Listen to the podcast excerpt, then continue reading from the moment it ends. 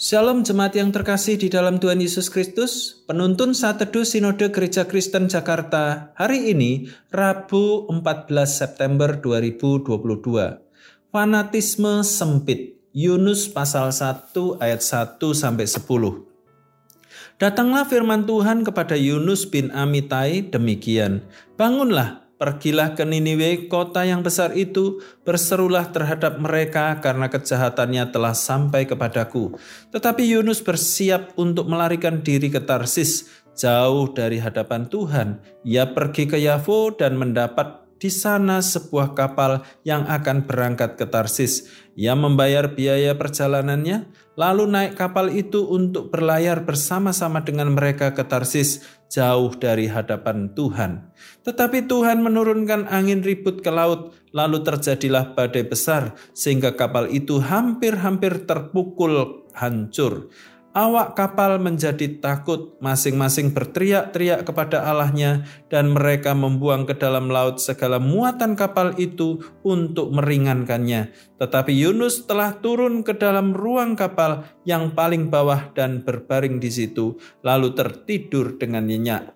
Datanglah nahkoda mendapatkannya sambil berkata, "Bagaimana mungkin engkau tidur begitu nyenyak? Bangunlah!" Berserulah kepada Allahmu, barangkali Allah itu akan mengindahkan kita sehingga kita tidak binasa.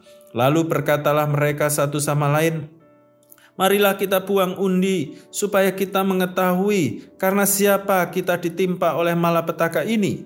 Mereka membuang undi dan Yunuslah yang kena undi.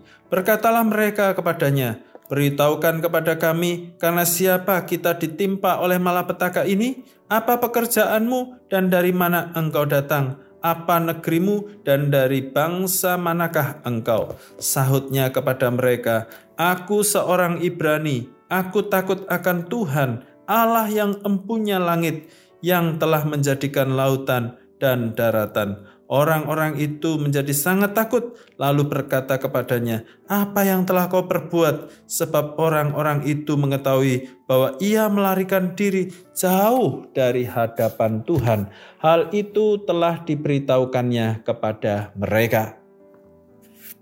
Suatu tindakan dan perilaku seseorang sering dipengaruhi oleh sikap dan keyakinan yang dimilikinya.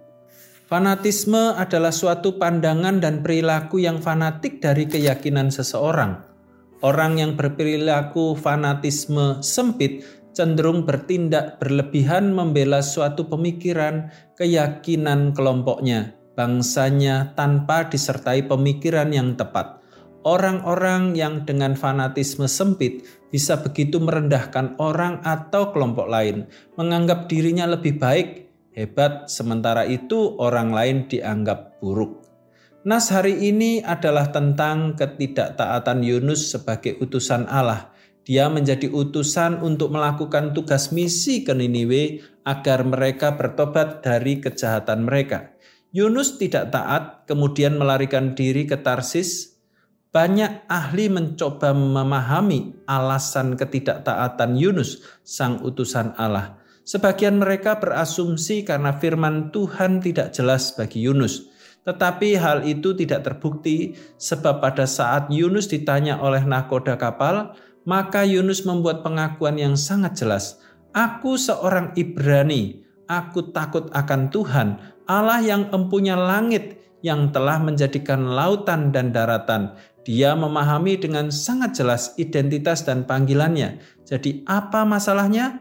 Akar masalahnya adalah sikap fanatisme yang sempit karena menganggap bangsanya lebih baik, lebih benar. Sementara itu orang lain seperti bangsa Niniwe adalah orang dan bangsa yang jahat, bahkan sangat jahat. Realitas ini bagaikan dua mata uang koin, yakni sikap fanatisme yang menganggap bangsanya lebih baik. Di sisi lain, secara realitas, orang-orang Niniwe memang jahat, karenanya Yunus mengambil sikap tidak taat.